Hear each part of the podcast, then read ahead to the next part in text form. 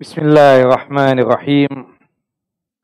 السلام عليكم ورحمة الله وبركاته. إن الحمد لله نحمده ونستعين ونستغفره ونعوذ بالله من شرور أنفسنا ومن سيئات أعمالنا. من يهدل الله فلا مضل له ومن يدلل فلا هادي له. أشهد أن لا إله إلا الله وحده لا شريك له وأشهد أن محمدا عبده ورسوله. ولقد قال الله تعالى في القرآن العظيم يا أيها الذين آمنوا اتقوا الله حق تقاته ولا تموتن إلا وأنتم مسلمون. وقال الله تعالى أيضا في سورة التغابن إنما أموالكم وأولادكم فتنة والله عنده أجر عظيم. أما بعد فإن أصدق الحديث كتاب الله وخير الهدى هدى محمد صلى الله عليه وسلم وشر الأمور محدثاتها وكل محدثة بدعة وكل بدعة ضلالة وكل ضلالة في النار إخواني وأخواتي في الدين أعازني وأعزاكم الله Bapak dan Ibu yang dimuliakan oleh Allahu Jalla wa'ala Alhamdulillah pada kesempatan kali ini kita kembali bersua dan berjumpa untuk ta'amuk dan tafakuh fiddin. Pembahasan kita masih seputar serial tentang keluarga. Pada kesempatan ini, insya Allah yang akan kita bahas berkaitan dengan fitnah anak. Di dalam surah At-Taghabun, surah ke-64, ayat 15, Allah Jalla wa'ala berfirman, Innama amwalukum wa auladukum fitnah. Sesungguhnya harta kalian dan anak-anak kalian hanyalah fitnah atau cobaan bagi kalian. Wallahu indahu ajrun azim.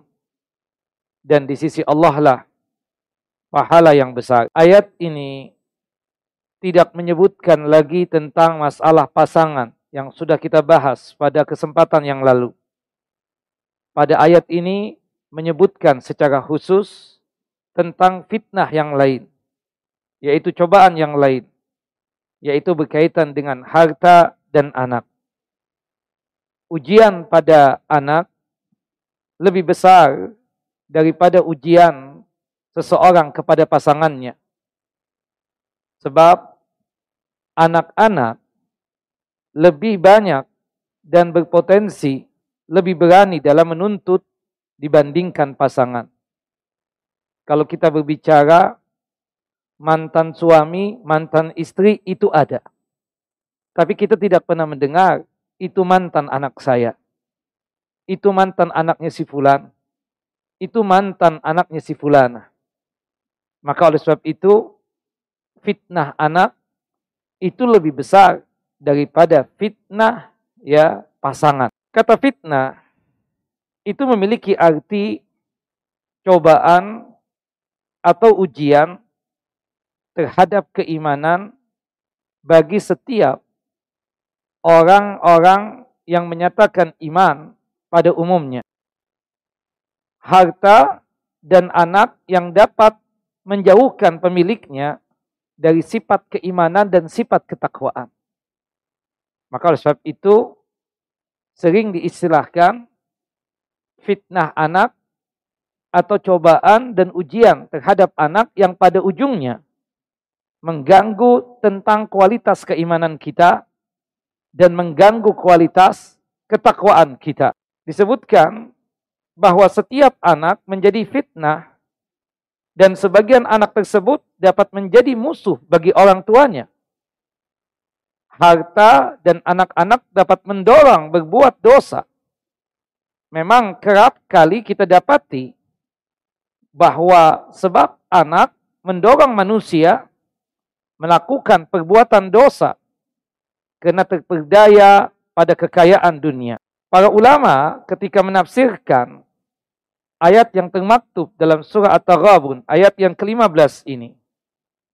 Dikatakan oleh mereka bahwasannya Al-Quran memperingatkan kita sebagai manusia mengenai fitnah anak ketika mereka terlalu mencintai anak-anak mereka secara berlebihan hingga mencapai tingkatan meninggalkan perintah Allah Jalla wa'ala atau mencapai tingkatan melanggar larangan-larangan Allah Jalla wa'ala.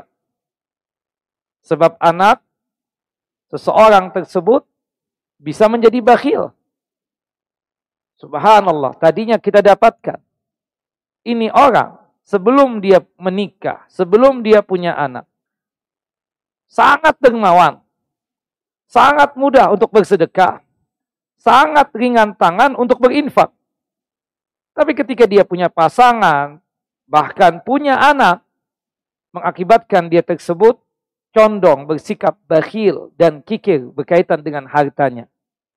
Dia tinggalkan apa yang menjadi kebiasaan dia, suka bersedekah, suka berinfak, bahkan berzakat sekalipun. Makanya benar apa yang Allah Jalla wa ala firmankan dalam surah Al-Kahfi surah ke-18 ayat 46 Al-malu wal banuna zinatul hayati dunya harta dan anak-anak adalah perhiasan kehidupan dunia ini Syekh Abdul Rahman As-Sa'di rahimahullah rahmatan wasi'ah ketika menafsirkan ayat ini kata beliau rahimahullah rahmatan wasi'ah manusia itu memiliki tabiat sangat luar biasa. Mencintai harta dan sangat luar biasa mencintai anak-anaknya. Maka ini adalah poin penting buat kita.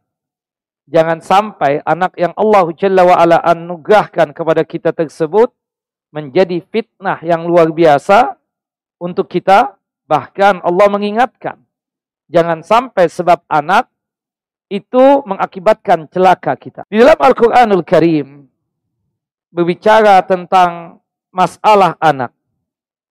Allah Jalla wa'ala menceritakan beberapa poin berikut ini. Ada empat poin. Tentang keadaan anak. Jadi posisi anak di dalam Al-Quran ada empat keadaan dan empat posisi sebagai berikut. Pertama, posisi dan keadaan anak dalam Al-Quran. Allah Jalla wa'ala menyebutkan. Anak itu sebagai perhiasan. Sebagai zina. Sebagaimana hal ini Allah Jalla wa'ala abadikan dalam surah Ali Imran. Surah yang ketiga ayat 14. Zuyyina linnasi hubbu syahawati wal qanatiril من الذهب والفضة والخيل fiddah والأنعام khailil ذلك wal الحياة الدنيا. والله عنده حسن المآب. dijadikan hiasan dan dijadikan indah pada pandangan manusia. Kecintaan kepada apa-apa yang dia ingini.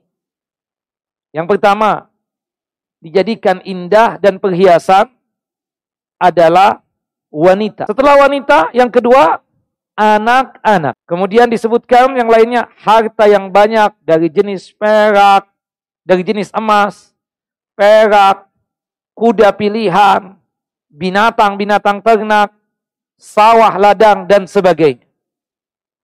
Itulah kesenangan kehidupan dunia ini. Dan di sisi Allah Jalla wa ala ya tempat kembali yang baik yaitu jannah dan surganya Allah Jalla wa ala. Di sini Allah Jalla wa ala memposisikan anak tersebut sebagai apa? Perhiasan yang indah. Perhiasan yang indah. Dan itu memang tabiat dan wataknya manusia. Ketika dia menikah, tentu target utamanya adalah memiliki keturunan.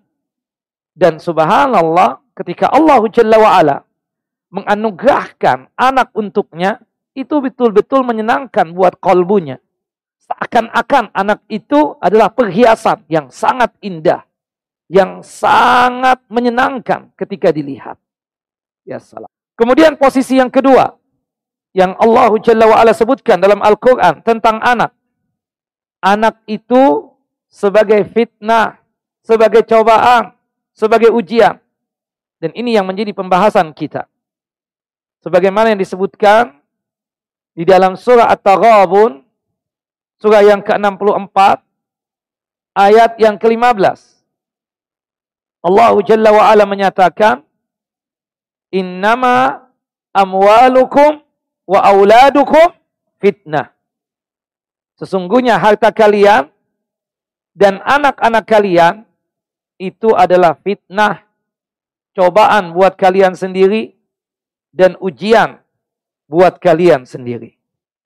Nah, ketika Rasulullah SAW sedang menyampaikan khutbahnya di atas mimbar, tiba-tiba cucu beliau Hasan dan Husin berjalan masuk ke dalam masjid. Kemudian Hasan dan Husin tersebut tersandung. Membuat keduanya tersebut terjatuh. Subhanallah. Pada saat itu Hasan dan Husin mengenakan pakaian berwarna merah. Ketika Rasulullah lagi asik menyampaikan khutbahnya, melihat cucu beliau tersandung dan jatuh, Subhanallah, seketika Rasulullah SAW turun dari mimbarnya untuk mengambil cucu beliau Hasan dan Husin untuk beliau gendong. Kedua gurunya beliau gendong dalam posisi beliau menyampaikan khutbah atau ceramah. Dan subhanallah kemudian Rasulullah SAW menyatakan, kata beliau, Sadaqallahul azim. Alangkah benar firman Allah Jalla Jalaluh. Sesungguhnya harta innama amwalukum wa auladukum fitnah. Sesungguhnya harta kalian dan anak-anak kalian hanyalah cobaan dan ujian buat kalian. Kata Nabi SAW, aku lihat dua bocah ini masuk ke masjid. Dia tersandung dan kemudian terjatuh. Itu membuat hatiku ya apa terenyuh untuk mengambil kedua cucuku ini untuk aku gendong. Subhanallah. Bahkan kerap kali disebabkan anak orang tua tersebut lalai dari perbuatan ketaatan kepada Allah Jalla Jalaluh. Nah, bahkan melanggar larangan-larangan Allah Jalla Jalaluh. Di dalam surah Al-Munafiqun ayat yang ke-9 Allah Jalla wa ala menjelaskan tentang keadaan anak itu adalah sesuatu yang melalaikan dari berzikir kepada Allah Jalla Jalaluh. Wahai orang yang beriman, janganlah harta benda kalian dan anak-anak kalian melalaikan kalian untuk mengingat Allah Jalla wa'ala. Dan barang siapa yang berbuat demikian, artinya sebab anak dia lalai untuk mengingat Allah Jalla wa'ala, maka mereka itu adalah termasuk orang-orang yang merugi. Bahkan kata Nabi SAW, akibat memiliki anak atau akibat sebab anak seseorang tersebut menjadi majbanah wa mabkhalah ya seseorang akibat fitnah anak dan ujian anak menjadi pengecut dan menjadikan dia tersebut bakhil dan kikir subhanallah makanya ketika kita lihat ini orang dulu sebelum kawin, sebelum dia punya anak, beraninya luar biasa. Kalau di zaman dulu, zaman sahabat, Di mana pun peperangannya, di mana pun medan peperangannya, dia ikut untuk berjihad. Tapi ketika punya anak, takut. Begitupun zaman sekarang ini. Ini orang dulu, subhanallah, berani yang luar biasa. Tapi sekarang, dia untuk melakukan apa-apa, berpikir panjang. Ketika kita tanya, kenapa antum kok berubah seperti ini? Ternyata apa? Sebab anak. Ternyata apa? Sebab anak. Termasuk tadi yang saya ceritakan. Dulu nih orang sebelum menikah, sebelum punya anak, sangat dermawan. Suka berinfak, suka bersedekah. Tapi akibat punya anak, dia tersebut menjadi kikir dan bakhil. Artinya, memang anak itu fitnah dan benar dalam surah Al-Munafikun disebutkan pada ayat yang kesembilannya, Allah berwanti-wanti, jangan sampai sebab anak kita tersebut lalai untuk mengingat Allah Jalla Jalaluh. Subhanallah. Ya. Sebab anak orang berani untuk meninggalkan kewajiban. Sebab anak orang berani untuk melakukan hal-hal yang haram. Nah itu posisi yang kedua. Al-Quran menyebutkan anak itu sebagai apa? Fitnah. Ujian dan cobaan. Yang ketiga, Allah Jalla wa'ala menyebutkan dalam Al-Quran anak itu bahkan sebagai musuh. Sebagaimana yang Allah Jalla wa'ala nyatakan dalam surah At-Taghabun ayat yang ke-14. Kita bacakan ayatnya yang di mana Allah Jalla wa'ala menyatakan di dalam Al-Quranul Karim surah At-Taghabun surah ke-64 ayat ke-14. Ya ayyuhalladzina amanu inna min azwajikum wa auladikum aduwan lakum fahdharuhum.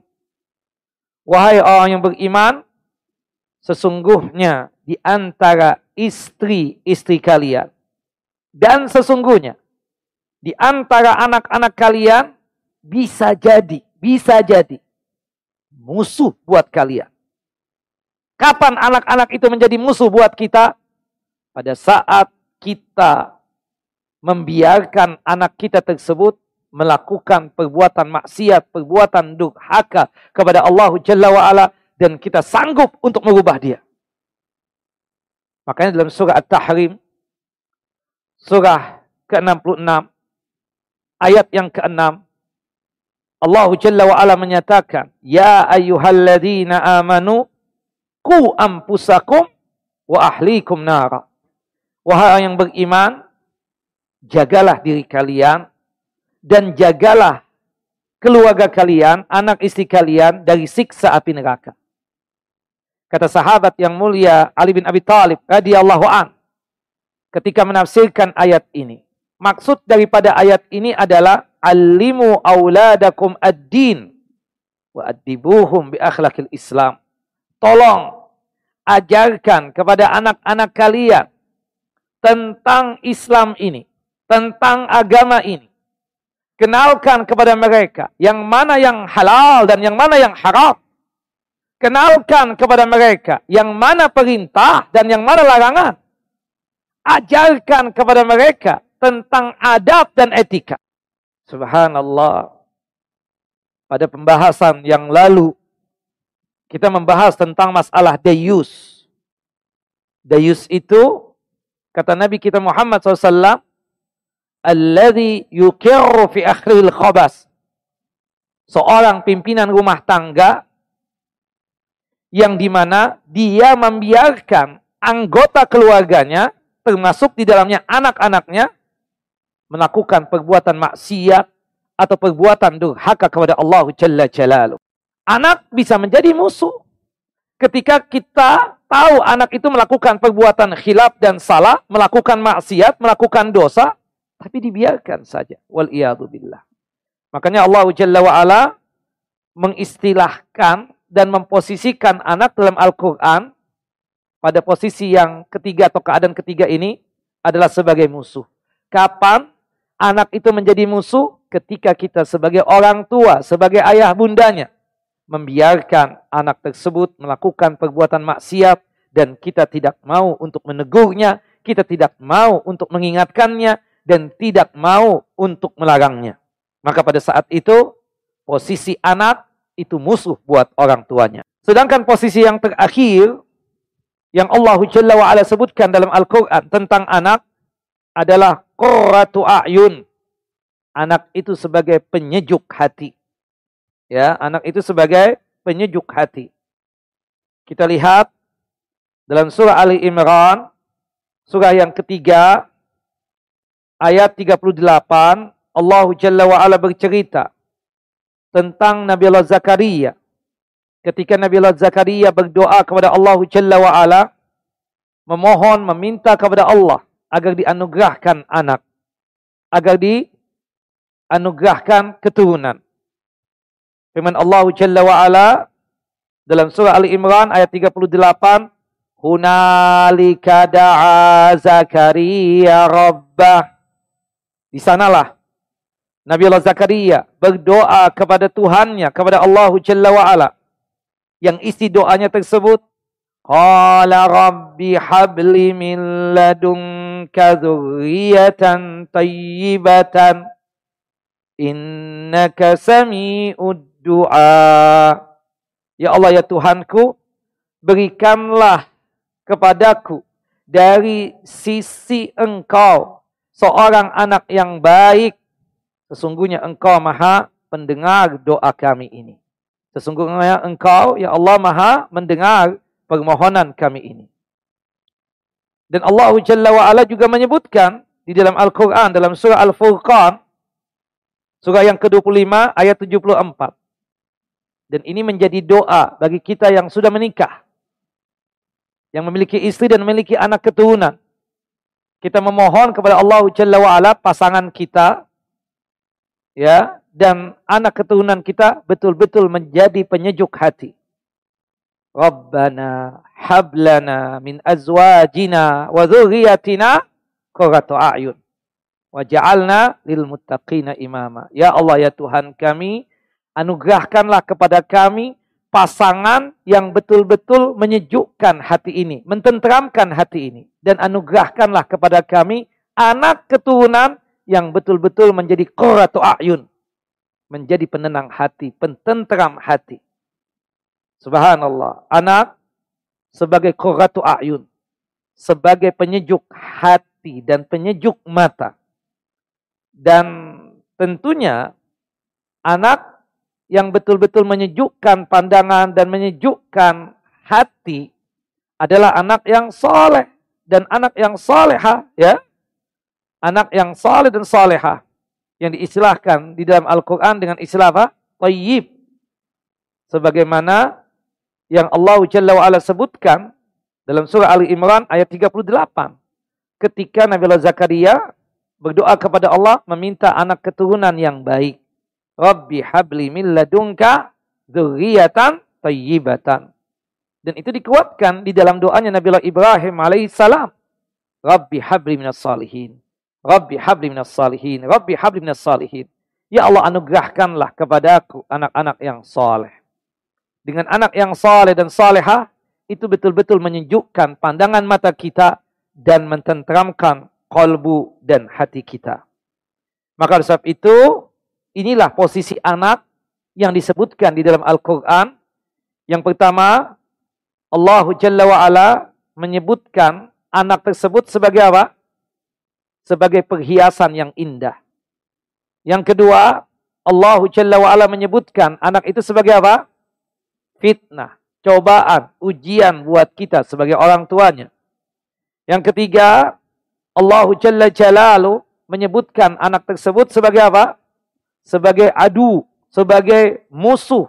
Kapan anak itu menjadi musuh buat orang tuanya? Ketika orang tuanya membiarkan itu anak melakukan perbuatan maksiat dan perbuatan durhaka yang sebenarnya ayah bundanya bisa untuk melarangnya. Yang keempat, Allah Jalla wa'ala menyebutkan tentang posisi dan keadaan anak tersebut sebagai apa? Sebagai qurratu a'yun. Penyejuk pandangan mata kita dan sebagai pententeram kalbu dan hati kita. Nah, kita kembali kepada pembahasan kita. Anak itu adalah sebagai fitnah. Subhanallah. manusia pada hakikatnya itu pasti cinta kepada anaknya. Allah Jalla Jalalu telah menetapkan fitrah pada manusia. Di antara fitrah dan watak manusia tersebut adalah mencintai anak-anak yang mereka lahirkan. Bahkan nikmat kehadiran anak merupakan salah satu nikmat yang paling disukai oleh manusia. Subhanallah. Kita menikah tujuannya untuk apa? Punya keturunan. Menikah itu nikmat. Nikmat yang sangat luar biasa. Bahkan setengah daripada din. Faman nakaha faqadistakmala nisbadinihi. Barang siapa yang sudah menikah, berarti dia sudah mensempurnakan setengah agamanya. Falyattaqillaha fima baqiya. Hendaknya dia bertakwa di sisa yang ada.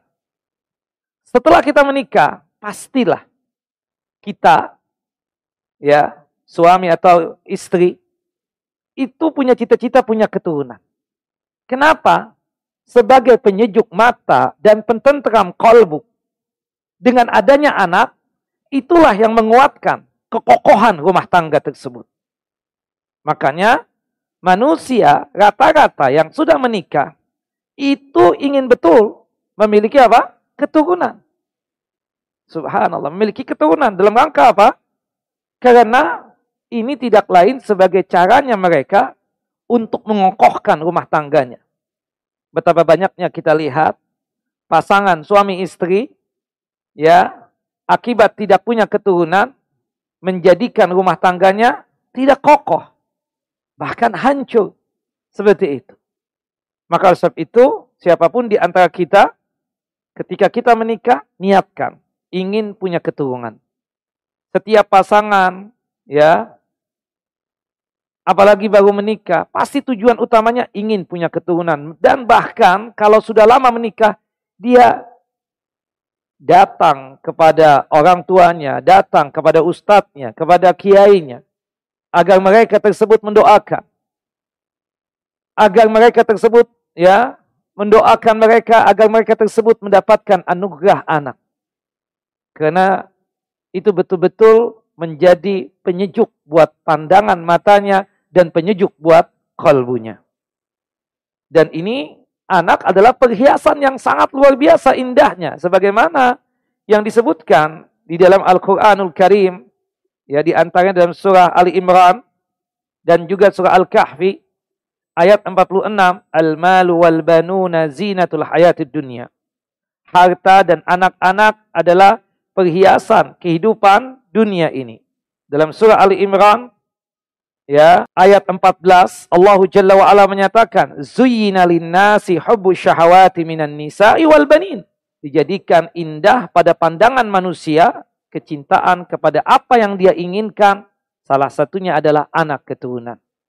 Nah, nah jadi ya siapa pun di antara kita ini pastinya menginginkan kita ini apa? Memiliki apa? Keturunan Makanya salah satu doanya Nabi Allah Zakaria, dan ini doa yang sangat bagus Bapak dan Ibu untuk Bapak Ibu praktekkan. Bagi mereka-mereka yang sampai detik ini belum punya keturunan. Doanya sebagai berikut. Rabbi la tadarni fardan wa anta khairul warisin. Ya Allah jangan biarkan aku ini hidup sendirian di muka bumi ini. Jadikanlah aku ini memiliki anak keturunan. Nah ini doa yang sangat bagus untuk kita amalkan bagi kita-kita yang belum memiliki anak keturunan. Padahal sudah menikah. Dan nikmat yang ada pada anak tersebut itu terbagi ya menjadi dua. Sebagaimana dikatakan oleh Syekh Abdurrahman As-Sa'di rahimahullah rahmatan wasi'ah. Kata beliau begini ketika menafsirkan firman Allah Jalla Jalalu dalam surah Al-Kahfi ayat 46. Manusia itu memiliki watak dan takbiat mencintai istri dan anak. Akan tetapi, nikmat itu terbagi menjadi dua. Pertama, nikmat mutlakah. Nikmat yang sifatnya umum. Nikmat yang berhubungan dengan kebaikan yang abadi Yaitu nikmat apa? Iman dan Islam. Termasuk nikmat Islam dan sunnah. Ini nikmat yang sifatnya mutlakah. Yang di mana ini harus dibaga. Nikmat ini sampai kita meninggal dunia. Nikmat iman dan Islam. Nikmat tauhid dan sunnah. Ya, Subhanallah, tidak semua orang, Bapak dan Ibu, sanggup datang ke kajian sunnah. Bukan begitu? Paham tentang masalah tauhid, paham tentang hakikat iman dan Islam yang sebenarnya. Maka oleh sebab itu, Alhamdulillah, kita paham tentang nikmat iman dan Islam. Kita kebetulan menganut agama Islam. Bahkan terlahir dalam kondisi muslim. Jaga nikmat iman dan Islam ini sampai mati. Ini sifatnya nikmat apa? Mutlakah. Nikmat yang sifatnya umum, yang wajib untuk kita jaga sampai kita meninggal dunia.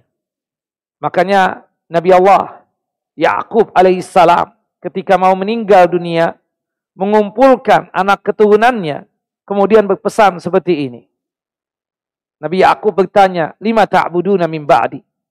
Apa yang kalian sembah nanti setelah aku meninggal dunia? Kata anak-anaknya, na'budu ilahaka wa ilaha abaika. Ibrahim wa Ismail wa Ishaqa ilaha wahida wa nahnu lahu muslimun. Sama wahai ayahanda, yang kami sembah Tuhan yang sama yang engkau sembah, yaitu Allah Jalla wa. Tuhannya nenek moyang kita, Nabi Ibrahim alaihissalam, Nabi Ismail, Nabi Ishak. Tuhan yang esa dan kami pastikan kami adalah orang-orang muslim yang selalu beriman kepada Allah Jalla wa. Nah, nikmat iman, nikmat Islam, nikmat tauhid, nikmat sunnah adalah nikmat yang sifatnya mutlakah. Yang sifatnya tersebut umum. Tapi ada nikmat yang kedua kata Syekh Abdul Rahman As-Sa'di rahimahullah rahmatan wasi'ah, yaitu nikmat muqayyadah. Nikmat yang terikat akan sesuatu hal. Seperti nikmat kesehatan, itu terikat. Ya. Dengan badan. Nikmat kekayaan dan harta. Itu muqayyadah sifatnya. Itu berkaitan dengan harta nikmat jabatan kedudukan yang terhormat itu muqayyadah yang sifatnya tidak abadi nikmat sehat tidak abadi bukan begitu nah Suatu saat kita akan sakit dan selama hidup kita ini pasti pernah mengalami sakit. Terlepas sakitnya itu berat ataukah ringan. Subhanallah begitu bukan juga kekayaan. Tidak abadi. Tidak abadi. Itu terikat dengan kekayaan tersebut. Tapi kita katakan tidak ada yang sifatnya abadi. Suatu saat akan ditinggalkan dengan wafatnya kita. Ya, dengan kita diwafatkan oleh Allah Jalla wa'ala, nikmat-nikmat tersebut akan kita tinggalkan. Ya. Termasuk juga nikmat kedudukan. Subhanallah. Kedudukan, jabatan, selain itu fitnah, cobaan dan ujian buat mereka yang mendapatkan jabatan dan kedudukan tersebut sekaligus juga nikmat secara tidak langsung. Mereka setiap kali datang ke mana pun dihormati diberikan fasilitas yang luar biasa. Tapi suatu saat dia akan tinggalkan itu. Akan hilang nikmat tersebut suatu saat. Nah, makanya ya itu sementara. Dan puncaknya ketika dia meninggal dunia. Termasuk nikmat anak. Nah, yang mutlakah yang harus ada adalah nikmat iman dan Islam yang bisa kita bawa sampai mati. Seperti itu. Nah, nikmat anak itu dikatakan muqayyadah. Kenapa? Karena nikmat anak ya lantaran bukan bagian daripada nikmat yang sifatnya mutlakah. Maka selain dapat mendatangkan kebaikan, nikmat anak tersebut juga bisa berpotensi menyeret datangnya keburukan bagi keluarganya. Seperti nikmat sehat juga kan? Kenapa muqayyadah? Kalau orang paham, ini kesehatan bisa bermanfaat buat dia, dan bisa menjadikan itu sebagai uh, wadah pahala atau sebagai cara dia untuk mendapatkan hasanat sebanyak-banyaknya, dia gunakan nikmat sehat dari tubuhnya itu untuk beribadah kepada Allah Jalla wa ala. Tapi subhanallah, kenapa dikatakan muqayyadah? Begitu banyaknya orang mendapatkan nikmat sehat, tapi bukan digunakan untuk sesuatu yang baik. Nikmat kesehatan malah dia gunakan untuk apa? Untuk maksiat, untuk durhaka kepada Allah Jalla Jalaluh, untuk melakukan perbuatan dosa. Begitupun juga nikmat harta. Kenapa dikatakan muqayyadah? Dikarenakan orang memiliki harta itu punya potensi untuk melakukan perbuatan maksiat. Punya potensi juga untuk melakukan kebaikan. Nah, kita sebagai seorang muslim tidak mengapa untuk menjadi orang kaya. Kata Nabi kita Muhammad SAW di dalam hadis yang sahih. La ba'sa bil ghina liman Tidak mengapa menjadi orang kaya jika kita membangun kekayaan kita di atas ketakwaan. Khudhu ma halla wad'aw ma haram. Ambil yang halal, buang yang haram. Itu prinsipnya. Antum boleh kaya, tapi pastikan ya antum mendapatkannya dari jalur yang halal, membuangnya pun juga, membelanjakannya pun juga ke jalur yang halal. Jadikanlah harta yang Allah Jalla wa'ala anugerahkan kepada antum itu sebagai caranya antum untuk mendapatkan ridhonya Allah Jalla wa'ala hingga masuk ke dalam jannah dan surganya Allah Subhanahu wa taala.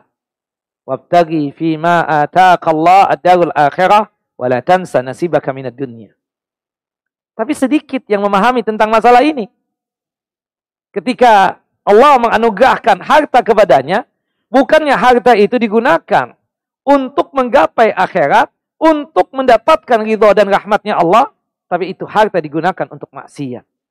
Makanya harta itu nikmatnya sifatnya apa? Muqayyadah. Terikat akan sesuatu hal dia bisa betul-betul menjadi nikmat kalau dia gunakan untuk ketaatan itu harta. Tapi wal billah bisa menjadi azab buat dia ketika itu harta dia gunakan untuk maksiat. Termasuk jabatan. Kedudukan, jabatan bisa menjadi nikmat ketika dengan jabatan dia tersebut bisa memperjuangkan dinul Islam, agama Islam, bisa membela agama Islam ini.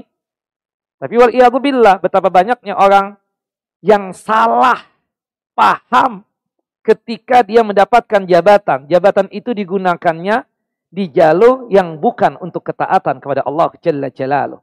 Maka pada saat itu jabatan yang Allah Jalla wa'ala anugerahkan kepadanya bukan sebagai nikmat, tapi malah sebagai azab Allah Jalla Jalaluh.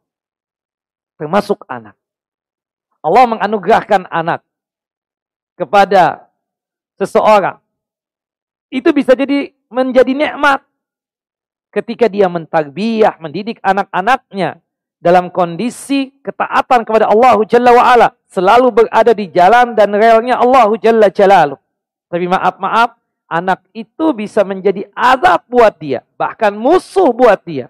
Ketika anak tersebut melakukan perbuatan maksiat atau perbuatan durhaka kepada Allah Jalla Jalaluh. Makanya di sini dikatakan oleh Syekh Abdul Rahman As-Sa'di rahimahullah rahmatan wasi'ah dan nikmat anak ya itu sifatnya muqayyadah lantaran bukan bagian daripada nikmat yang mutlakah yang umum yaitu nikmat iman dan Islam. Kenapa? Karena nikmat anak itu selain dapat mendatangkan kebaikan juga sebenarnya punya potensi menyeret seseorang ya pada keburukan dan kejelekan untuk keluarganya. Al-Quran membahasnya dengan ungkapan fitnah dan musuh bagi orang tuanya. Dalam surah At-Taghabun ayat ke-14 Allah menyatakan, Ya ayyuhalladzina amanu inna min azwajikum wa auladikum aduwwan lakum fahzaruhum. Wahai orang yang beriman, sesungguhnya di antara istri-istri kalian dan anak-anak kalian bisa jadi adalah musuh buat kalian sendiri. Maka berhati-hatilah kalian terhadap mereka.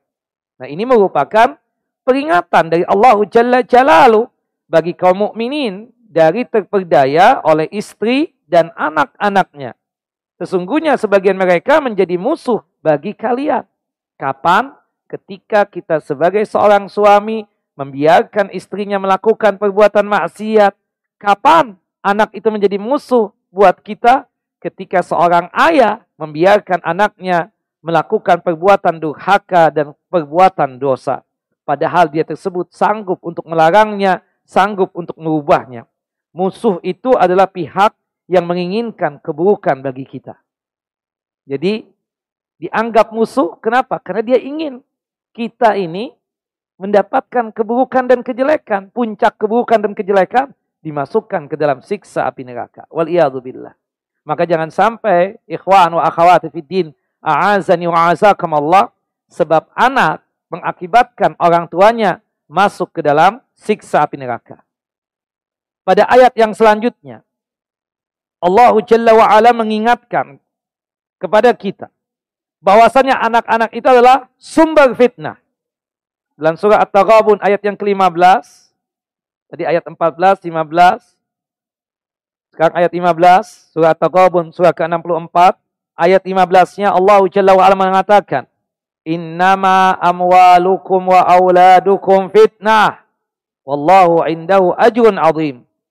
Sesungguhnya harta kalian dan juga anak-anak kalian hanyalah cobaan bagi kalian. Hanya di sisi Allah lah pahala yang besar. Dalam ayat ini Allah Jalla wa ala memberikan wejangan kepada kita. Menasihati kita.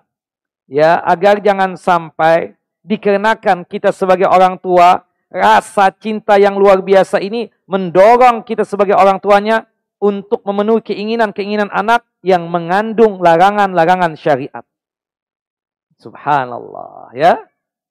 Gara-gara anak Orang tua bisa bermaksiat. Dia ingin beli ini. Kita tahu yang dia beli itu sesuatu yang haram. Tapi kata antum, kasihan Ustaz, dan seterusnya. Termasuk juga, bayangkan, melaksanakan ibadah sholat. Terutama sholat subuh. Kadang di antara kita ini, melihat anak kita tertidur lelap, senang. Dia bisa istirahat. Tapi kadang kondisi kita tidak pas untuk melampiaskan kesenangan tadi. Dikarenakan ketika kita biarkan anak kita tertidur lelap dalam kondisi yang tidak sholat, itu anak bukannya menjadi nikmat buat kita, menjadi adab dan siksa buat kita. Maka oleh sebab itu, ketika kita melihat anak kita masih tertidur lelap, tapi sudah masuk waktu salat subuh, bangunkanlah. Di antara kita ini juga kadang bersikap aneh untuk weekday, Monday to Friday, Senin dari Jumat, tuh anak-anak bangunnya ya awalan. Subhanallah, salat subuhnya on time. Kenapa? Berangkat sekolah. Tapi ketika weekend, hari Sabtu, hari Ahad, anak dibiarkan tertidur lelap, tidak dibangunkan. Jadi sebab antum membangunkan dia itu bukan karena untuk ketaatan kepada Allah, tapi dikenakan agar jangan sampai tuh anak terlambat sholat. Wal billah. Ini sangat aneh kalau orang tua bersikap seperti itu. Padahal Allah itu di atas segala-galanya. Dalam artian ketaatan kepada Allah Jalla lebih diistimewakan, lebih diutamakan, lebih didahulukan. Jadi setiap hari itu ketika kita membangunkan anak tersebut tujuannya untuk ketaatan kepada Allah Jalla. Agar dia salat subuhnya on time. Meskipun ada di belakangnya itu untuk sekolah sekalipun. Tapi tetap niatan utamanya karena sholat. Karena ketaatan kepada Allah. Karena ingin beribadah kepada Allahu Jalla Jalaluh. Al-Imam Ibn Kathir rahimahullah rahmatan wasi'ah menyebutkan bahwa bentuk permusuhan anak terhadap orang tua adalah menjadikan orang tua tersebut lalai untuk beramal soleh. Hal ini senada dengan firman Allah Jalla wa'ala dalam surah Al-Munafiqun, surah ke-63, ayat yang ke-9. Surah Al-Munafiqun, surah ke-63, ayat yang ke-9. Allah Jalla wa'ala menyatakan, Ya ayyuhalladzina amanu. Wahai orang-orang yang beriman.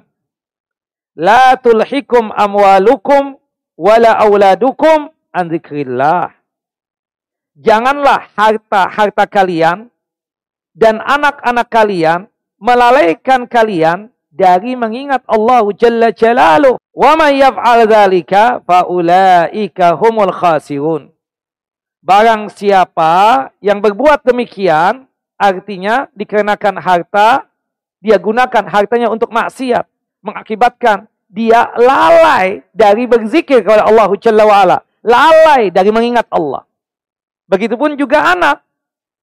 Akibat anak membuat dia tersebut lalai untuk berzikir kepada Allah atau dia lupa untuk mengingat Allah Jalla wa'ala. Yang masih seperti itu, hati-hati dia itu termasuk orang yang merugi. Kata Al-Imam Ibn Katsir rahimahullah rahmatan wasi'ah yang di mana beliau mengutip dari apa yang diungkapkan oleh Al-Imam Mujahid rahimahullah yang menerangkan tentang ayat tadi, kata beliau, memaksa seseorang dari pihak ayah bunda untuk memutuskan tali silaturahim atau bermaksiat kepada Robnya, lalu dikenakan cintanya orang tua kepadanya, ia tidak kuasa untuk menolaknya. Subhanallah.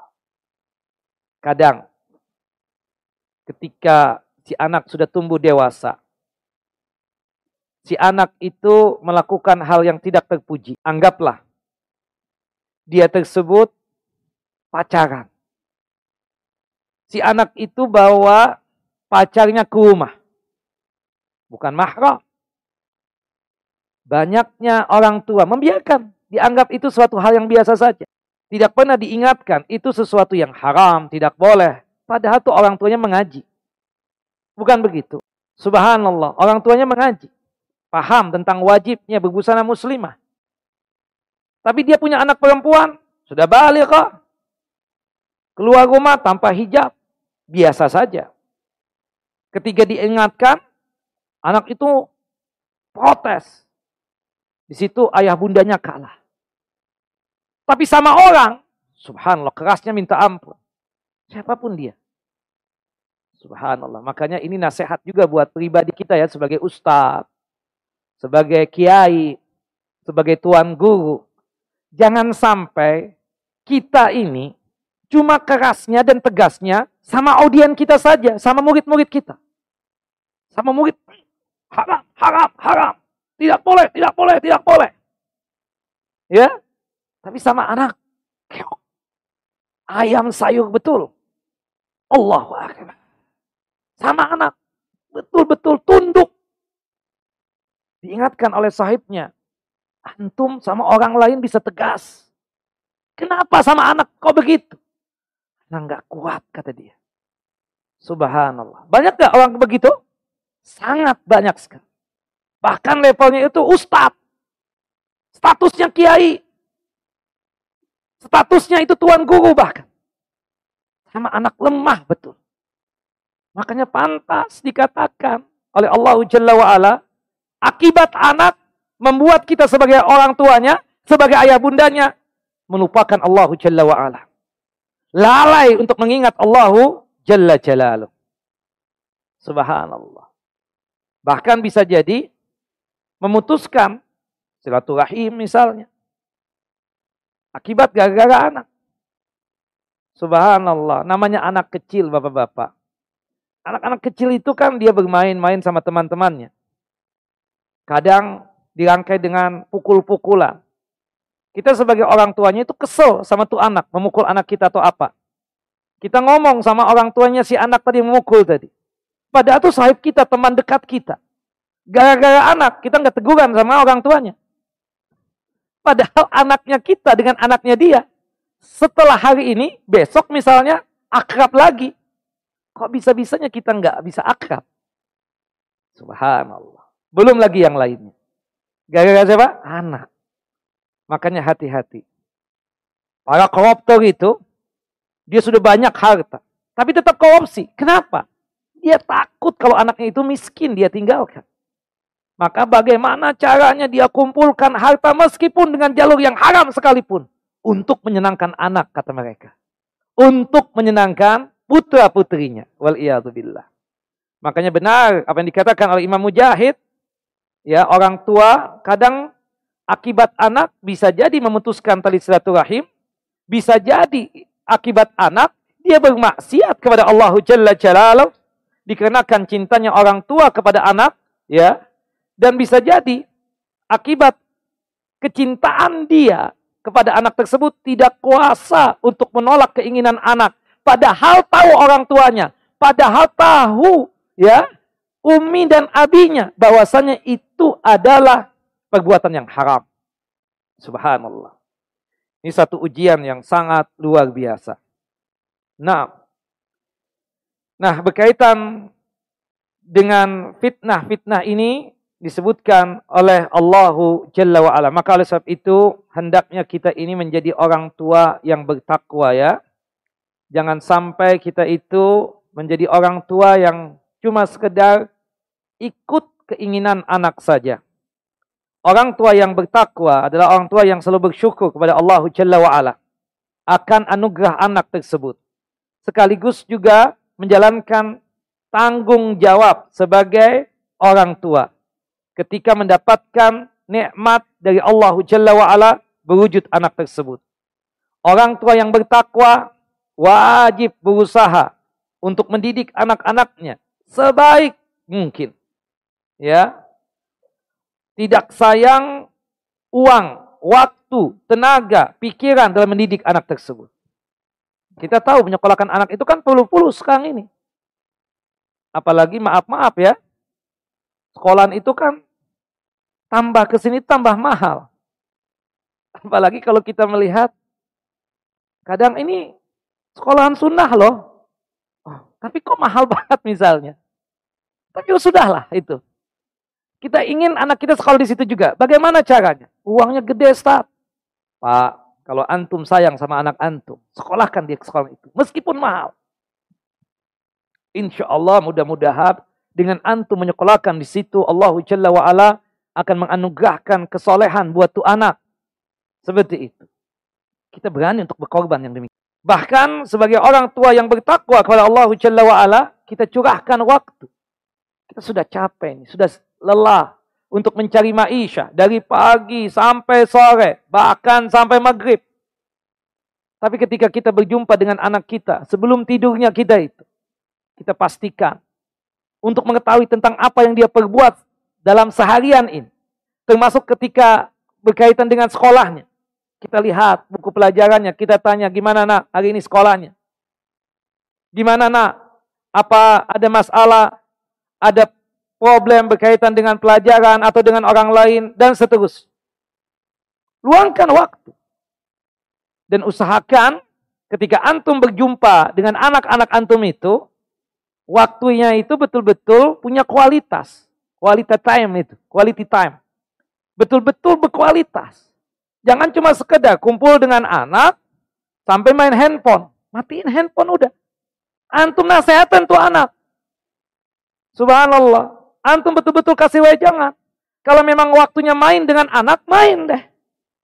Subhanallah, kadang kitanya jadi anak kecil juga. Diajak main bola oleh anak-anak kita. Bukan begitu? Kan masalah. Diajak main ayun-ayunan juga. Gak ada masalah. Yang penting si anak itu paham kita sayang dengan dia dan memperhatikan dia. Kita ingin kita sebagai ayah bundanya, sebagai orang tuanya, menjadi orang tua yang bertakwa, dengan mencurahkan waktu sekalipun.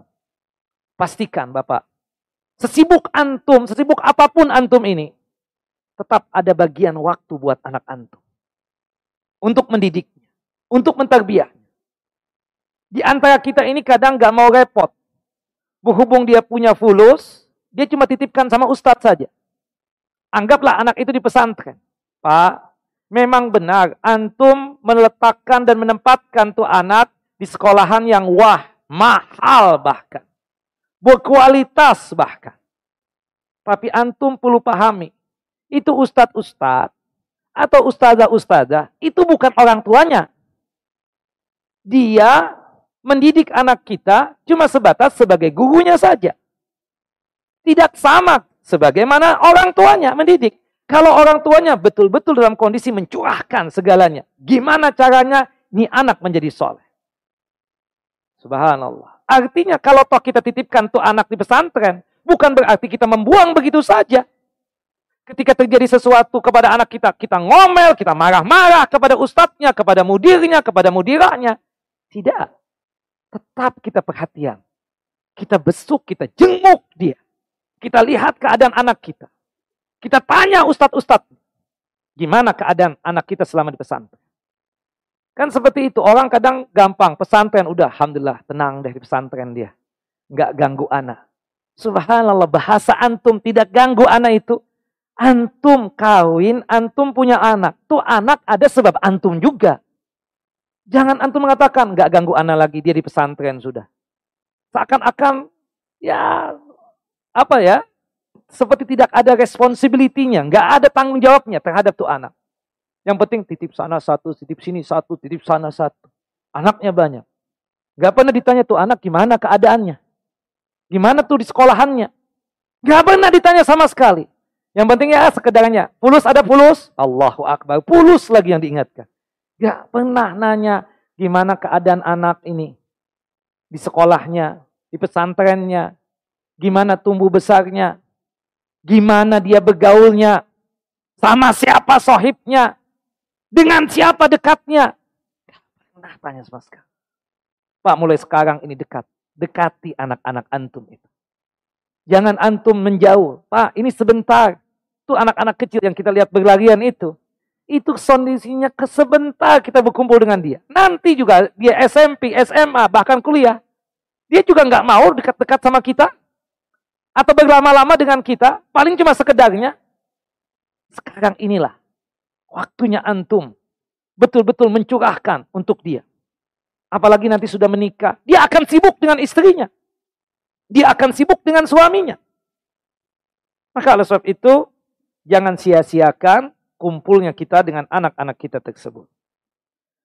Nah, kemudian selanjutnya kita katakan tenaga dan pikiran juga dalam mendidik anak-anak tersebut kita curahkan.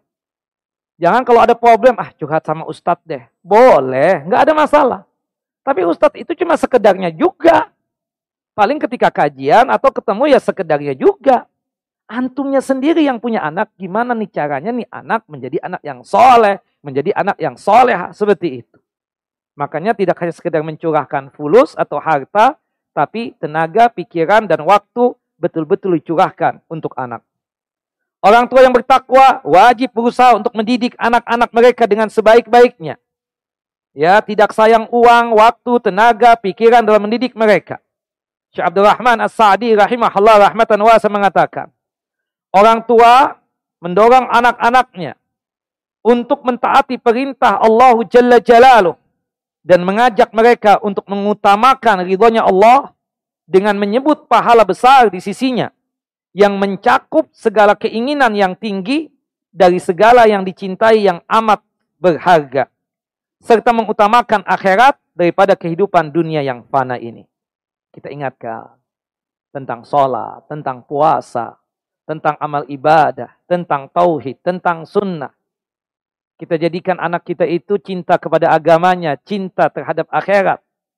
Lebih mengutamakan akhirat ketimbang dunia. Ya, Subhanallah Allah Jalla wa ala dalam surah An-Nisa surah yang keempat ayat 34 berbicara tentang qawwam ar-rijaluna qawwamuna 'ala nisa. Qawwam ya yang disebutkan di dalam surah An-Nisa ayat 34 yang menjadi tugas kepala rumah tangga kata Syekh Abdurrahman As-Sa'di rahimahullah menyatakan bahwasannya maksud kawam di sini yaitu memerintahkan mereka agar menjalankan hak-hak Allah Jalla Jalalu hingga memelihara kewajiban-kewajiban seperti sholat, puasa dan lain sebagainya. Menghalangi mereka untuk melakukan perbuatan maksiat atau yang haram. Ya, atau perbuatan-perbuatan kerusakan yang lainnya.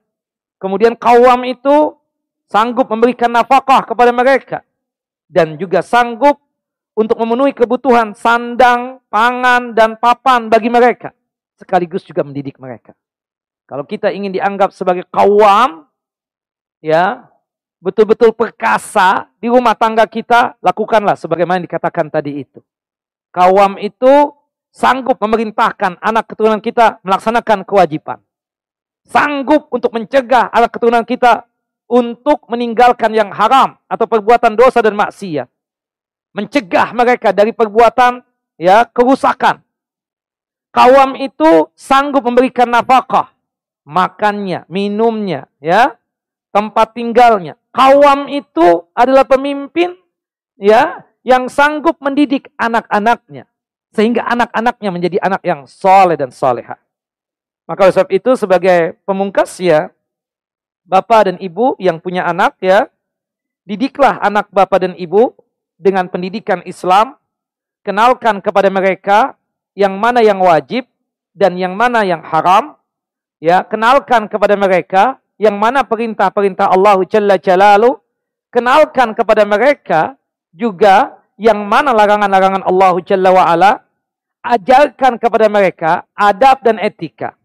Ya, ajarkan kepada mereka akhlak yang karimah. Berakhlak kepada Allah, berakhlak kepada Rasulullah berakhlak kepada manusia secara umumnya. Kenalkan kepada mereka tentang din, tentang agama ini secara umumnya.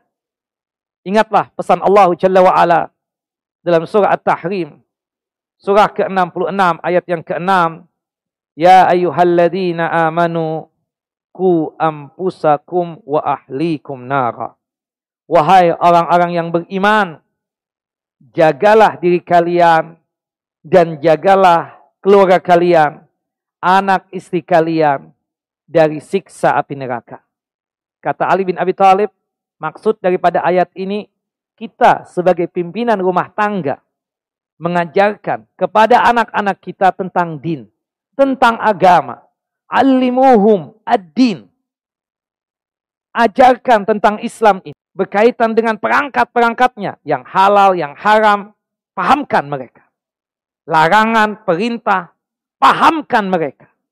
Termasuk adab-adabnya. Nah insya Allah kalau kita seperti itu, menjadi orang tua yang amanah, punya responsibility, punya tanggung jawab, maka kita dianggapnya sebagai orang tua yang bertakwa di sisi Allah Jalla Jalaluh. Wallahu alam, ini yang berkaitan dengan fitnah anak tersebut. Tapi kita masuk kepada season yang kedua yaitu tanya jawab.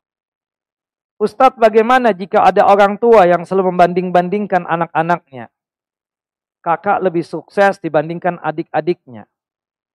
Begini ya, Subhanallah, di dalam masalah membanding-bandingkan anak yang satu dengan anak yang lainnya, kalau tujuannya tersebut baik, agar adik-adiknya sama sesukses abang dan kakaknya, maka tidak mengapa. Tapi kalau sekiranya membanding-bandingkannya itu tujuannya untuk menghinakan anak-anak yang lain, ini yang haram, tidak diboleh. Apalagi kita sebagai ayah bunda itu, sebagai orang tuanya, suka membeda-bedakan. Terutama dalam masalah kasih sayang dan pemberian hadiah. Anak yang pertama berhubung perempuan, cantik bersih, putih, tinggi semampai, lebih dicintai. Lebih dia tunjukkan cintanya ketimbang anak yang kedua. Yang tidak secantik daripada anak yang pertama. Ada haram, tidak boleh. Begitupun juga dalam masalah hadiah. Hibah terutama. Punya anak tiga, yang dikasih rumah cuma anak yang pertama. Anak kedua dan ketiga tidak dikasih, tidak diberi. Ini keboliman. Tidak boleh kita seperti itu. Kecuali jika ada alasan yang syar'i. Kenapa sampai dia bersikap seperti itu? Nah, maka oleh sebab itu kosakata yang kita gunakan pun juga ketika ingin mengetuk hatinya anak-anak kita itu agar dia sama seperti abang dan kakaknya dengan kosakata yang baik, bukan dengan kosakata yang menghinakan. Ya, nah contoh abangmu, nah contoh kakakmu. Masya Allah, kakakmu rajin belajarnya. Sekarang alhamdulillah hasilnya ranking satu. Ya, rajin-rajin belajar. Nah itu tidak mengapa. Tapi kalau misalnya menghinakan, ya kamu beda dengan dengan kakakmu dengan abangmu. Abangmu, kakakmu pintar, kamu sebaliknya. Nah, ini kan menghinakan. Nah, ini yang tidak dibolehkan. Wallahu a'lam bisawab. Hatta misalnya sudah tua ya, sudah pada dewasa, punya anak lima misalnya.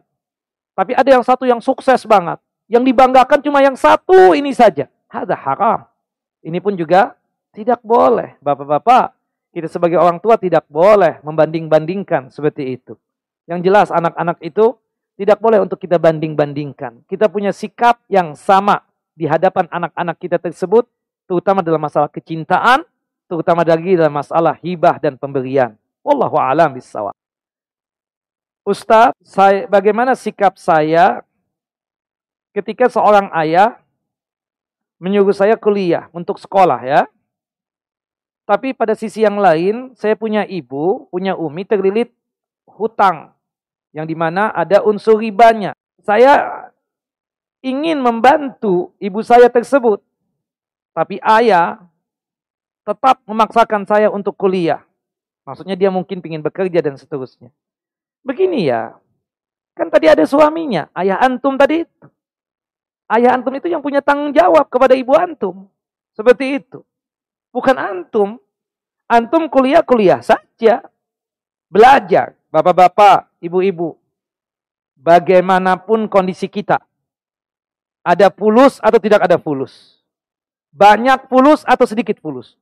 Usahakan anak sekolah. Jangan sampai anak tidak sekolah, Bapak. Ya. Sekolahkan anak. Dari TK, SD, SMP, SMA, kuliah, sekolahkan. Didik anak antum cinta ilmu. Terutama ilmu din, ilmu agama. Termasuk juga ilmu dunia sekalipun.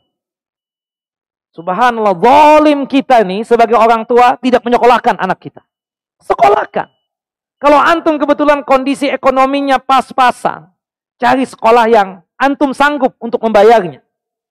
Atau paling tidak, minta keringanan dari sekolah tersebut. Paling tidak jangan, jangan sampai anak antum nggak sekolah. Sekolahkan. Nanti akan terjadi penyesalan yang sangat luar biasa ketika anak itu besar, dewasa. Dia nggak bisa apa-apa. Nggak paham, nggak ngerti tentang kehidupan ini. Ya, sekolahkan, sekolahkan. Nah jadi, ayah antum itu benar menyuruh antum kuliah. Sedangkan ibu antum tadi yang terlilit hutang, oke okay lah. Antum bisa bantu semampunya antum. Berusaha. Tapi yang punya kewajiban suaminya. Suaminya yang punya kewajiban. Untuk melunasi utang yang berbau riba tadi. Allahu alam bisawab. Sekaligus menegur istri tersebut agar jangan sampai melakukan perbuatan riba lagi. Wallahu alam. Nah ini, Ustadz bagaimana menurut Ustadz di dekat rumah saya ya ada teman, ya maksudnya temannya dia sekarang sudah kelas 12 SMA. Ya, kelas 3 SMA kali ya, kelas 3 SMA dia itu bawa pacar ke rumah, tapi orang tuanya malah membiarkan. Bagaimana nasihat menasihati teman saya seperti itu? Ya tadi kita kasih pemahaman, ya bahwasannya kamu sebagai orang tua tidak boleh membiarkan anak melakukan apa? Perbuatan maksiat. Tuh anak berani banget bawa pacarnya ke rumah. Kita sebagai orang tuanya membiarkan. Deyus kita ini.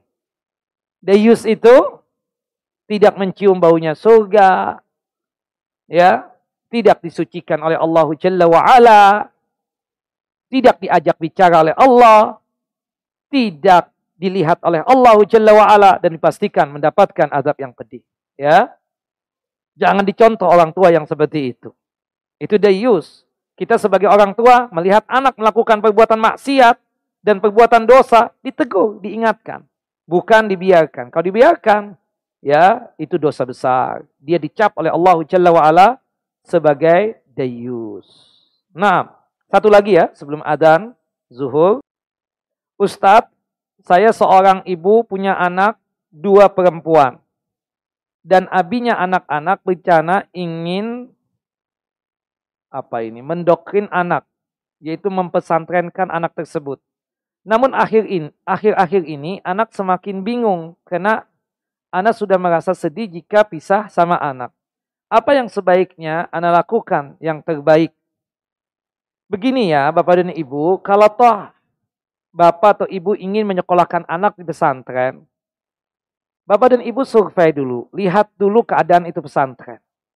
Aman tidak buat anak-anak Bapak dan Ibu.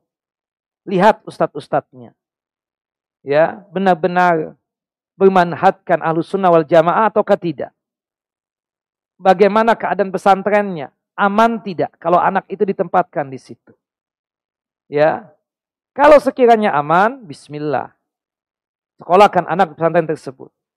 Tapi kalau sekiranya kita sebagai ibu ini berat betul untuk berpisah dengan anak, apalagi ini anak perempuan, maka tidak mengapa dia sekolahkan di sekolah yang dekat rumahnya yang bisa memperhatikan anak-anaknya.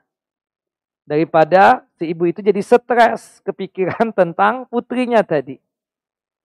Tapi saran saya pesantren kan banyak.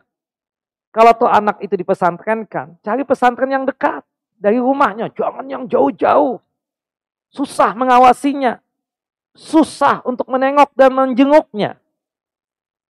Banyak pesantren di dekat rumah kita, perjalanan yang mungkin satu jam atau paling lama dua jam. Jangan yang kita harus menginap di situ. Nah, jadi solusinya itu dilihat kondisi pesantrennya, kemudian kita bisa enggak menjenguk dia dan seterusnya. Daripada ada perdebatan antara ayah dan ibu ini, suami dan istri ini. Kita tanya sama suami ya, gimana nih aman saja enggak pesantrennya? Boleh enggak kalau kita besuk nanti jenguk dia? Dan usahakan pesantrennya pun kalau misalnya harus anak perempuan ini pesantren, pesantren yang dekat saja dari rumah. Sehingga kalau ada apa-apa, mudah untuk menengok dan membesuknya dan mudah untuk mengatasinya. Wallahu alam. Ini kira yang bisa disampaikan pada kesempatan kali ini. Wassallallahu Nabi Muhammad wa ala ali Muhammad. Kama sallaita ala Ibrahim wa ala ali Ibrahim innaka Hamidun Majid. Allahumma baik ala Muhammad wa ala ali Muhammad kama barakta ala Ibrahim wa ala ali Ibrahim innaka Hamidun Majid.